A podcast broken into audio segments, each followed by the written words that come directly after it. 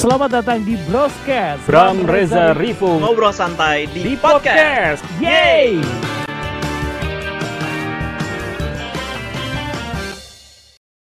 Halo balik lagi di Broscast. Seneng banget. Ada gue Bram Herlambang dan Rivo. Evo Yes, um, kita sudah kedatangan seorang sutradara yang waktu itu kita sempat diskusi offline juga Mhm. dan sekarang uh, secara online kita juga sudah tergabung sama Mas Rahawi Mandra. Halo Mas. Halo semuanya. Uh, Halo, Mas thank you udah Mas mau bergabung sama Broadcast Podcast untuk ngebahas film Gampang Cuan yang rilis di bulan November ini. Mhm. Dengan senang hati. Ini kita rilis YouTube-nya pas hari tayangnya. Berarti kan kalau ini ditonton orang, berarti ini kesempatan orang hari ini juga untuk bisa nonton. Aku langsung aja nih. Yes. Mas Habi, jadi apa selain Vino Gebastian, Anya Geraldine yang yang chemistry-nya kayak dapet banget gitu ya, kayak gemes Hmm. gitu ngelihatnya dengan dengan setting kaya dan miskinnya di trailer. Ini kira-kira apa yang mau dijual, apa yang mau di, disampaikan ke penonton? Ah, yang paling utama itu eh, tujuan utama film ini tuh menghibur, Mas. Eh, kita sebisa mungkin nggak mau ngajarin apa-apa. Kalau mau ngajarin tuh kita buka kelas atau buka seminar. Jadi tujuan utama dari film ini menghibur aja dulu gitu. Hiburan itu dari zaman dulu sampai zaman sekarang tuh biasanya terbagi dalam dua ya sebelum ada turunannya ya. Ada ada ada tragedi dan ada komedi.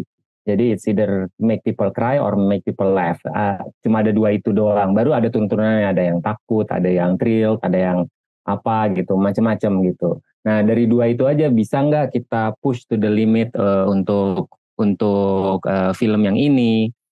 Karena eh, let's face it, zaman sekarang itu orang udah terpapar banyak sekali hal gitu. eh, tapi mereka juga em, apa namanya hiburan itu udah mudah ya di di genggaman tangan itu udah udah ada gitu. Jadi mereka harus kalau sampai datang ke bioskop itu harus benar-benar eh, sepadan apa yang mereka keluarkan baik itu uang atau atau eh, waktu. Jadi tujuan utamanya itu dulu. Jadi semua keputusan semua semua pertimbangan itu mengarahnya ke sana Makanya kenapa pilih Vino, makanya kenapa pilih Anya, eh, pilih Meriam Belina, kayak m- untuk mendukung ke arah sana. Baru kita juga ngomongin, sebelum ngomongin itu ngomongin ceritanya, cerita apa ya yang kira-kira eh, akan menghibur banyak orang. Jadi kata utamanya kita itu seru. Kata Oke. utamanya itu apa? Mas. It needs to be fun. Mhm. Kalau Mas Abi bilang komedi dan tragedi, ini kan kalau ada ada apa namanya, ada rumusnya gitu di di yang saya tahu tragedi plus waktu adalah komedi. Itukah yang juga dilakukan? Artinya menertawakan masa lalu yang menyakitkan gitu. Iya betul. Itu rumusan itu rumusan ini ya, rumusan hidup kita ya. Rumusan kalau kita ya kalau kita lagi sedih-sedihnya gitu setelah sekian waktu ya ternyata lucu juga ya masa itu ya. Nah, sementara di dalam film itu eh, urutannya begini. Urutannya kalau kita bisa membuat orang menangis baru kita bisa membuat orang tertawa. Jadi kalau kita punya materi cerita, kita harus memahaminya dari sisi dramanya dulu. Oh dramanya seperti ini, baru kita sebenarnya bisa tweak. Oh jadi komedi itu seperti ini karena ada poin-poin dalam penceritaan yang harus kita tweak ya, kita olah ya, kita ulangi dan menjadi lebih lucu gitu. Dan dan itu berarti kadang-kadang mengurangi believability, kadang-kadang mengurangi mengurangi kemasuk akalan, kadang-kadang eh, mengalahkan realita gitu-gitu. Tapi kita harus menguasai itu dulu, itu dikuasain baru sebenarnya kita bisa eh, menguasai yang namanya komedi membuat orang tertawa. Jadi urutannya memang kayak gitu. Eh, ngalamin dulu. Soalnya kalau enggak kita sebagai pembuat itu kadang kita malu sendiri sama komedi yang kita buat kan. Ini lucu nggak sih sebenarnya? Karena kita mencoba untuk melucu gitu loh nggak bener-bener nge-tweak eh, realitanya, nggak bener-bener nge-tweak eh, apanya ya em, ceritanya gitu, kan bener-bener di twist tuh.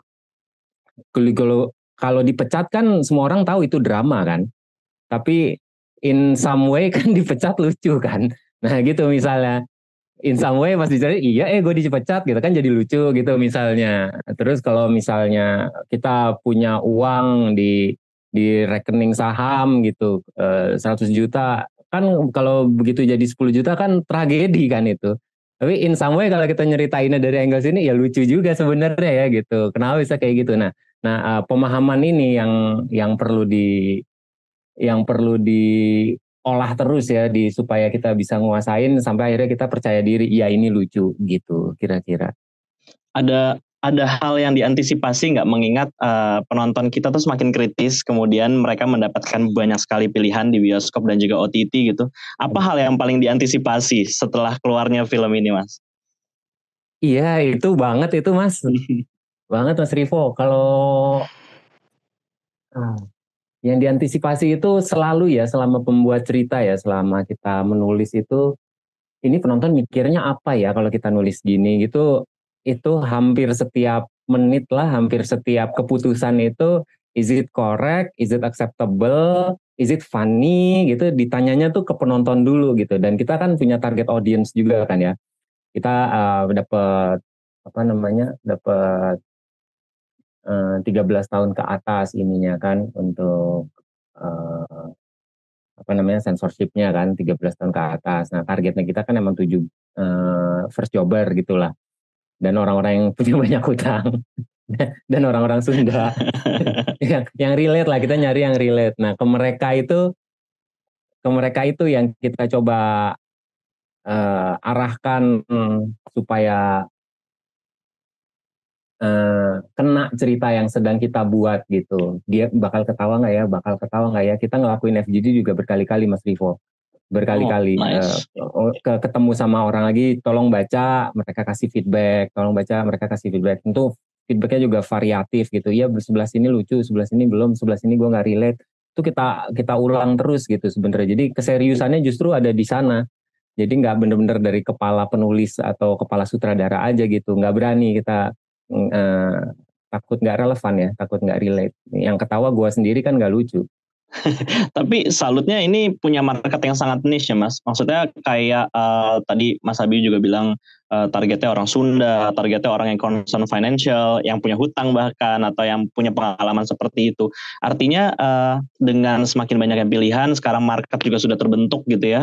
Uh, artinya itu sudah menjadi concern dari dari uh, timnya Mas Habi artinya ya untuk market yang sangat niche ini. Oke, okay, gue mau menyasarnya ke bagian sini aja dengan kategori sekian tadi eh, first jobber gitu. Artinya memang dari awal uh, kalian sudah sangat spesifik menentukan siapa target market dari penontonnya ini. Ya betul. Uh, jadi kita punya namanya targetnya ya, yang mainnya apa, baru yang secondary-nya, baru yang uh, tertiary-nya apa gitu. Semuanya ditargetin, tapi kita fokusnya ke satu dulu gitu. Karena kalau lebar, we just cannot please everybody. Let's just focus on one dulu, and then uh, dari situ penonton akan penonton lain akan ngelihat, oh dia terhibur, barangkali gue juga bisa terhibur. Rencananya sih ke sana memang gitu. But of course akhirnya kita nggak berani terlalu niche. Waktu itu juga kayak ini pokoknya semua yang ngerti finance nih yang bisa nonton nih. Kita sempat punya draft yang kayak gitu. Cuma orang finance yang ngerti gitu kayak wah nggak bisa berarti harus diturunin. Nah, uh, dan kita nggak berani juga karena we go commercial, we, want this film to be a commercial success gitu. Jadi ada satu poin yang kita masukkan itu yang sangat universal, itu poin keluarga. Everybody has family kan, semua bisa menjadi kakak, jadi adik, jadi anak, dan jadi orang tua gitu. Mereka punya keluarga. We start from there. Ini juga belajarnya dari Bong Joon Ho ya, dari Parasite ya. Dia juga sempat ngomong kan, um, uh, ya, kalau ragu atau atau bingung mau mulai dari mana start with family. Biasanya selalu connect gitu. Nah berangkat dari situ kita masukkan juga. Jadi suddenly the story becomes relatable for everyone. Dengan dengan apa namanya? Dengan premis yang Mas sampaikan tadi artinya ini kan sebetulnya atau atau kemudian uh, relate dengan teman-teman sandwich generation gitu loh. Yang oh. yang yang punya beban, pengen mengejar mimpi iya. Nah, ya. sebetulnya kalau komposisi penceritaannya lebih berat di mana? Gimana porsinya? Berapa persen misalkan soal uh, finansial, pinjol atau pinjaman utangnya, terus kemudian ya. Sundanya. Ya, saya ingat kita pernah ngobrol soal itu, Mas Rahabi sepertinya sangat-sangat uh, concern soal bagaimana penggunaan bahasa daerah dan kedaerahannya pada saat kita ngobrol saat itu. Itu gimana hmm. porsinya? porsinya dulu ya. uh, that's a very good good question. Aku jadi bisa ngejelasin dari awalnya dulu. Draft-draft awal itu very finance, very financial uh, literacy arahnya ke sana. Jadi semua dan ini kan uh, pembuat filmnya kan tahu gak sih kita kadang-kadang kalau masuk ke industri baru gitu and we're very excited dan kita jadi norak gitu wah term ini keren banget masukin term ini keren banget masukin. Akhirnya everything becomes financial gitu kita akhirnya baru belajar ngerti orang nggak keikut gitu. Itu draft-draft awal tuh. It was like berapa ya 60% kali semua term semua term investment itu masuk ke situ. We try to explain saham obligasi reksadana arah, auto reject atas apa, auto reject bawah apa, nyangkut gimana, terus apa namanya intrinsic value kayak gitu-gitu lah kita kita coba masukin. Ya bingung kan orang lama-lama. Memang jadi the big short kayak atau Wolf of Wall Street tapi yang ngerti ya udah mereka aja gitu. Dan dan kita nggak mau baru draft-draft berikutnya turun. Uh, yang nambah yang masuk itu keluarga malah gitu kan. Hubungan kakak adik gimana anak sama ibu gimana. Uh, itu malah jadi kental banget dan semakin lama semakin kental. Dan along the way uh, Sunda kesundaan itu masuk sudah dari awal sampai ke sininya dan most of it uh, sering muncul sebagai apa ya sebagai nyawa malah kalau bisa dibilang gitu uh, nyawa komedinya lah gitu nyawa komedinya gitu. Uh, banyak punchline yang yang kita pakai bahasa Sunda, not even punchline marah-marahnya gitu-gitu. Kalau lihat trailer bahasa Sunda itu banyak apa celotehan bahasa Sunda kan yang yang apa seru banget lah kalau ngoceh oke bahasa Sunda kan. Nah itu kita masukin juga. So komposisinya kurang lebih sekarang itu udah kayak 70% gitu it's all about the situation of the family and their financial struggle baru kayak 20 persennya, 20 persen ish itu baru tentang kayak sahamnya gitu. Dan kita ngejelasin saham dan dan financial literacy itu sangat minim gitu. Kita akhirnya memutuskan ini akan menjadi gerbang buat teman-teman setelah tertawa, setelah menangis, setelah terhibur, ada yang bisa dibawa pulang sok dipelajarin kalau emang minat gitu, kalau emang pengen invest, kalau pengen money management gitu. Ini ada gerbangnya nih, tapi gerbang aja. Silakan kalau mau jalan sendiri mendalami silakan. Yang penting kita sudah tertawa bareng lah di sini gitu. Oke, Mas, ini um, ya teman-teman yang belum nonton mungkin akan akan uh, bisa membahas trailer dulu gitu ya, karena di trailernya juga kental sekali Sundanya. Kemudian kita akan melihat bagaimana acting Vino dan juga Anya gitu. Sulit nggak sih menyatukan aktor dari dua generasi gitu? Karena kok rasanya chemistry mereka sangat uh, dapat gitu ya dari trailernya gitu. Apakah uh, sulit untuk menyatukan aktor dari generasi yang berbeda dalam satu produksi gitu? Atau memang ini sebuah kombinasi yang direncanakan sejak awal bahwa untuk nge-grab generasinya Anya dan generasinya Vino adalah dengan cara memasangkan mereka nih gitu. Iya betul itu memang rencana dari awal ada untuk grabbing eh, generasi yang berbeda. Dan kita memang mengantisipasi ini kayaknya bakalan susah nggak ya? Eh, turns out sangat-sangat mudah. Ini mungkin karena skill set yang udah dimiliki sama para pemain terutama Vino sebenarnya. Vino itu somehow gini ya pemain-pemain itu tuh suka kan mereka kan suka gimana ya, suka nggak bisa ngajarin, bukan nggak bisa ya, antara nggak bisa atau nggak mau atau segan gitu kan. Kalau sama pemain lain, lu harusnya gini, lu harusnya gini gitu. Mereka pasti ada gerget-gergetnya gitu loh. Kalau ketemu sama yang nggak bisa main, gue juga nggak bisa ngasih tahu. Yang bisa ngasih tahu sutradara, tapi kadang-kadang sutradara bagus-bagus aja bilangnya, guanya jadi keseret, jadi jelek juga karena dia mainnya jelek. Kan suka kayak gitu kan. But yeah. Vino on the other hand, he has his own way dia punya caranya sendiri untuk memberitahu tanpa keseganan dan yang dikasih tahu juga happy malah gitu uh, because it makes them a lot better. Itu Vino punya, uh, Meriam Belina punya dan gua nggak tahu gimana caranya. Itu pengalaman lah yang ngomong uh, bagaimana mengomunikasikannya atau pas mau take pas mau take atau selama reading juga nanti pas gua gini lo begini gitu. Itu bisa blend gitu. Jadi uh, Vino itu I think he's a wizard or something sih sebenarnya. Jadi kerja bareng dia tuh luar biasa sih. Uh, it's really more than meets the eye. Kita nonton oh ya dia aktingnya bagus. Ternyata dia punya dia punya whole other skill set yang bisa ngedorong eh, pemain-pemain lain. Nggak cuma pemain gua pun lumayan. Ada ada obrolan-obrolan yang bi lu nggak mau diginin aja gitu? Oh no you you are right gitu. Untung lu untung lu enggak gitu-gitu tuh ada juga. Ada sensibility dia yang yang luar biasa bagus nah Anya Anya itu menariknya dia itu eh, apa she's really easy to mold gitu kayak Mas Abi tolong ini gue pengen ini bagus kasih tahu aja kurangnya di mana di tiap take atau di tiap reading gitu Nah, semakin dikasih tahu itu dia mengubahnya tuh cepat gitu. Memang ada kekakuan kekakuan awalnya, tapi begitu begitu dapet tuh she's there langsung gitu, ngejar lah gitu kira-kira. Nah, demikian si Alzi Markers gitu ya juga kayak gitu. Kalau Miriam Belina gue udah angkat tangan deh. Dia take-nya paling sedikit. gue sampai sampai beberapa scene itu gue nyamperin gitu uh, apa mama kan manggilnya mama dia ya. Mama itu gimana caranya bisa acting kayak gitu? Semua satu take most of them satu take. Palingan kalau ada kesalahan dari pemain lain itu atau dari kamera atau teknis gitulah ya. Nah, kalau dia nggak pernah punya kesalahan gitu. I can really say dia nggak pernah punya kesalahan. Gue nggak inget dia salah yang mana gue tanya lo uh, apa mama ini gimana caranya ya bi udah berapa puluh tahun gue gitu dia bilang and and she's there She's There itu kan itu bukan karakternya dia, mama dia kan bukan Miriam Bellina. Kalau ketemu Miriam Bellina kan dia kan ini banget kan bercandaan mulu kan orangnya kan. Tiba-tiba masuk ke frame tuh set tiba-tiba.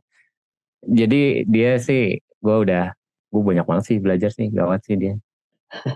Oke, Mas, ini kan kita biasanya melihat nama Mas Habi itu antara di penulis atau misalnya di sutradara saja gitu ya. Tapi kemarin kita sempat cerita juga bahwa Mas Abi ini ngedevelop ini bahkan dari awal semuanya gitu ya. Kemudian juga uh, bersama tim benar-benar secara detail belajar hal-hal yang belum pernah dilakukan atau diketahui sebelumnya gitu ya uh, terhadap produksian ini gitu.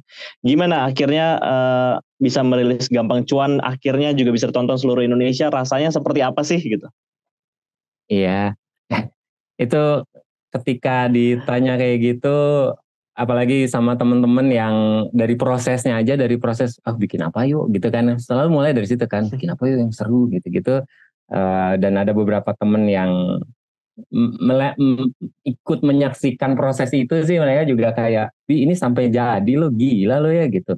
Ya gue gue gimana ya? Gue nggak kayak gue nggak ngelihat titik hari ini memang selama prosesnya gitu sama kayak naik gunung gitu. We just do it uh, one step at a time gitu. Ya kadang-kadang kita istirahat ngelihat oh masih jauh tapi ya terus nunduk aja jalan aja terus sampai akhirnya kejadian kan dua tahun ya kira kurang lebih ya. So pas sudah nyampe sini sih sekarang eh, perasaannya ya geremet-geremet sebenarnya kayak aduh ini diterima penonton nggak ya? Gitu kan bisa dinikmati nggak ya gitu. I mean I'm okay with critics ya. Udah berapa film selalu ngadepin lah pujian dan kritikan gitu. Kalau filmnya jelek banget, tetap aja ada pujian. Kalau filmnya bagus banget, tetap aja ada kritikan gitu. Jadi udah terbiasa. Cuma memang uh, we do have aim yang tadi dibilang kan we need to be successful commercially jadi itu yang yang bikin gremet-gremet sekarang gitu mungkin kalau hari pertama ini ini ya, ini mau ditayangin hari ini ya. Kalau hari pertama ini udah pada nonton semua, eh, banyak yang nonton gitu, jumlahnya juga bagus. Nah itu baru lega lah gitu.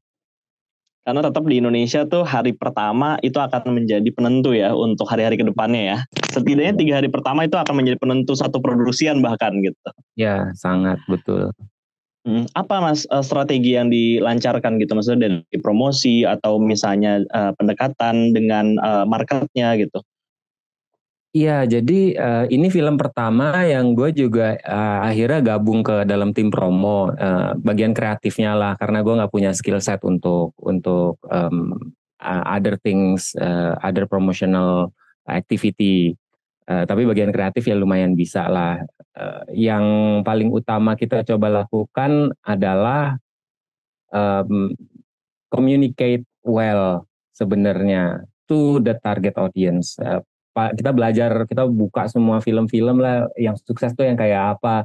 Uh, it's actually those who who who who are able to communicate produknya mereka ke audiensnya. Nah itu dan itu nggak gampang dan itu nggak nggak kayak nggak kayak oh tinggal gini doang dong enggak itu per elemen materi promo aja tuh jadi jadi shifting gitu. Nah sekarang kan kita mau um, mengarahnya ke sana kan ke target audience itu. Jadi ya jadi diarahkan ke sana. Itu nomor satunya. Terus ada ada tiga hal lagi yang kita coba utamakan uh, yang we spend our time way more than we should karena itu berdampak besar sama kesuksesan filmnya. Pertama adalah pemilihan judul. Judul itu bisa ngaruh banyak. Kalau judulnya aja tidak dimengerti orang, eh, it's gonna be hard to make them get into the theater gitu kan. Jadi judulnya semudah mungkin dan se-inviting mungkin dan kami pikir uh, gampang cuan is like the best one lah gitu karena siapa yang nggak suka gampang cuan gitu kan nomor satu itu. Nomor dua itu uh, poster of course. Uh, mereka akan ngeliat posternya dulu. Kita punya tiga versi poster dan kita milihnya aja kayak aduh ini yang mana ya? Semuanya bagus-bagus. Dan we have dissenting opinion juga. Oh itu lama banget mutusinnya sampai akhirnya kita mutusin uh, our official poster yang itu gitu. Hmm, yang mana gue lebih Gak apa-apa lah ya gue ngomongin sini Gue lebih suka yang sebelumnya sih sebenarnya. Cuma yang ini yang ini oke, okay, yang ini bagus lah gitu. Cuma yang yang sebelumnya tuh lebih konseptual. Yang apa teaser poster kalau teman-teman bisa lihat, nah, coba dilihat aja teaser poster. I like it more karena karena ada apa certain apa ya rasa yang beda gitu, eh, nggak uh, terlalu common. But then kalau mau komersial, we need to go more common gitu yang akhirnya yang sekarang jadi official poster which is good also gitu. Um, I love them both cuma kalau disuruh pilih sebenarnya pilih itu. Waktu itu itu. And then akhirnya keputusannya uh, menangin yang official poster itu. Which I agree nggak apa-apa. Bagus. Dua. Yang ketiga trailer. We spend wah itu lama bikin trailernya memang. Trailer general sama trailer bahasa Inggris. Eh bahasa Inggris bahasa Sunda itu kita ngerjainnya berapa lama ya? Like uh, beneran lama. Karena selama bikin film itu biasanya praktek yang dilakukan di kita itu setelah film selesai uh, sutradara atau editornya ngeditin lagi trailernya gitu loh. Padahal trailer kan bahasa komunikasi ya. Bahasa komunikasi ke target audience juga gitu. Nah kalau sutradara yang disuruh bikin kan atau editor yang disuruh bikin kan they have their own mind uh, untuk tidak masukin ini, tidak masukin ini, gitu-gitu ya. Uh, takut gitu karena itu kan jago jagoan kita banget itu kalau dimasukin gimana ya gitu-gitu. Yang mana itu malah ternyata counterproduktif misalnya dari yang diharapkan. Nah, itu itu kita lupain semua. Gue ikutan ngedit juga, cuma gue bener-bener eh, pengen objektif, jadi minta masukannya tuh luar biasa banyak, nggak selesai di gua doang gitu. Jadi ada tim promo didatengin gimana gimana? Kurang lucu kurang bagus. Itu kita ulang lagi kita ulang lagi sampai kita dapat yang beneran uh, menurut kami itu captivate captivating gitu lebih helikopter view gitu ya. Jadi kalau yang kemarin idealis, sekarang harus melihat yeah. Iya. uh, masuk di pasar, disenengin yeah. uh, masyarakat. Nekan egonya itu luar biasa kayaknya Mas Rabi ya. Lumayan. Sebenarnya gini, ini uh, I, I do have insights ini ya mungkin ya kalau mm -hmm. di, di, diterima, eh kalau ini ditonton sama filmmakers lain. Uh, ini lucu nih, ketika skenar eh ketika uh, trailernya udah jadi, itu masukan ketika udah ditayangin gitu ya, itu masukan ke gua itu hmm, variatif. Ada yang sangat suka, ada yang bilang oh you're spoiling too much, you're spoiling the story too much gitu bi. Uh, harusnya itu lo lo irit-iritin. Nah, what's really interesting adalah uh, mereka yang bilang itu spoiler itu rata-rata milenial ke Gen X dan yang yang bilang gua mas mesti nonton milenial ke ke Gen Z. Jadi apa yang bisa ditangkap dari situ berarti ini ya apa eh, bagaimana generasi itu berbeda sekarang ini. Kalau zaman dulu terutama Gen X itu mereka semakin dirahasiakan semakin penasaran. Kalau generasi Z sekarang kayak yang sekarang they know everything already. Mereka lahir dan berkembangnya bersama Google jadi mereka udah tahu semua anyway. Justru kayaknya mungkin rada norak kalau kita nyembunyiin apa nyembunyiin apa gitu kan ya. Dan kita coba cari lagi uh, kayak Spider-Man, Spider-Man scene endingnya aja masuk ke trailer gitu kan kayak tonjokan apa terus tiba-tiba ada apa namanya ada bocoran dari dari yang mana gitu. Justru yang menurut mereka menarik itu justru yang bocoran-bocoran ini malah malah bukan malah bukan rahasia-rahasia gitu. Zaman dulu apa informasi sama ilmu tuh mahal makanya kan sekarang kan semua udah murah gitu. Jadi malah sebaliknya. So uh, that's a that's a that's, that's a good insight yang gue temuin sih. Jadi kalau ini apa ditonton sama filmmaker filmmaker lain, you you guys should think this way karena sekarang audiens kita kan sudah mengarah ke Gen Z ya.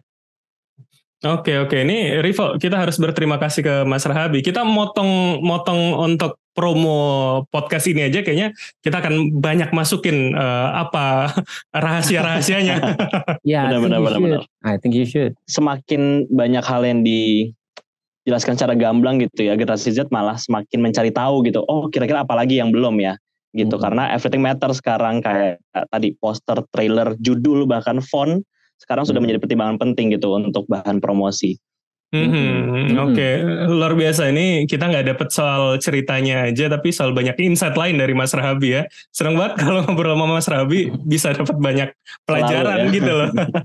Oke, okay, biar uh, kita nggak semakin penasaran lagi karena memang banyak sekali insight yang bisa didapatkan dari obrolan hari ini. Thank you Mas Rahabi. Semoga next project juga kita bisa ngobrol lagi dan semoga gampang cuan ini bisa menembus dari target yang sudah ditentukan sama teman-teman sineasnya. Amin. Amin. Semoga penonton Indonesia juga semakin melek bahwa uh, ada banyak sekali pilihan sekarang di bioskop dan semoga film Indonesia juga bisa bersaing dengan film-film internasional di bioskop di tanah airnya sendiri.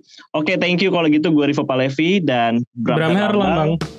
Pamit undur diri, sampai ketemu di episode berikutnya. Bye-bye. Selamat datang di Broscast. Bram Reza Rivo. Ngobrol santai di, di podcast. podcast. Yeay!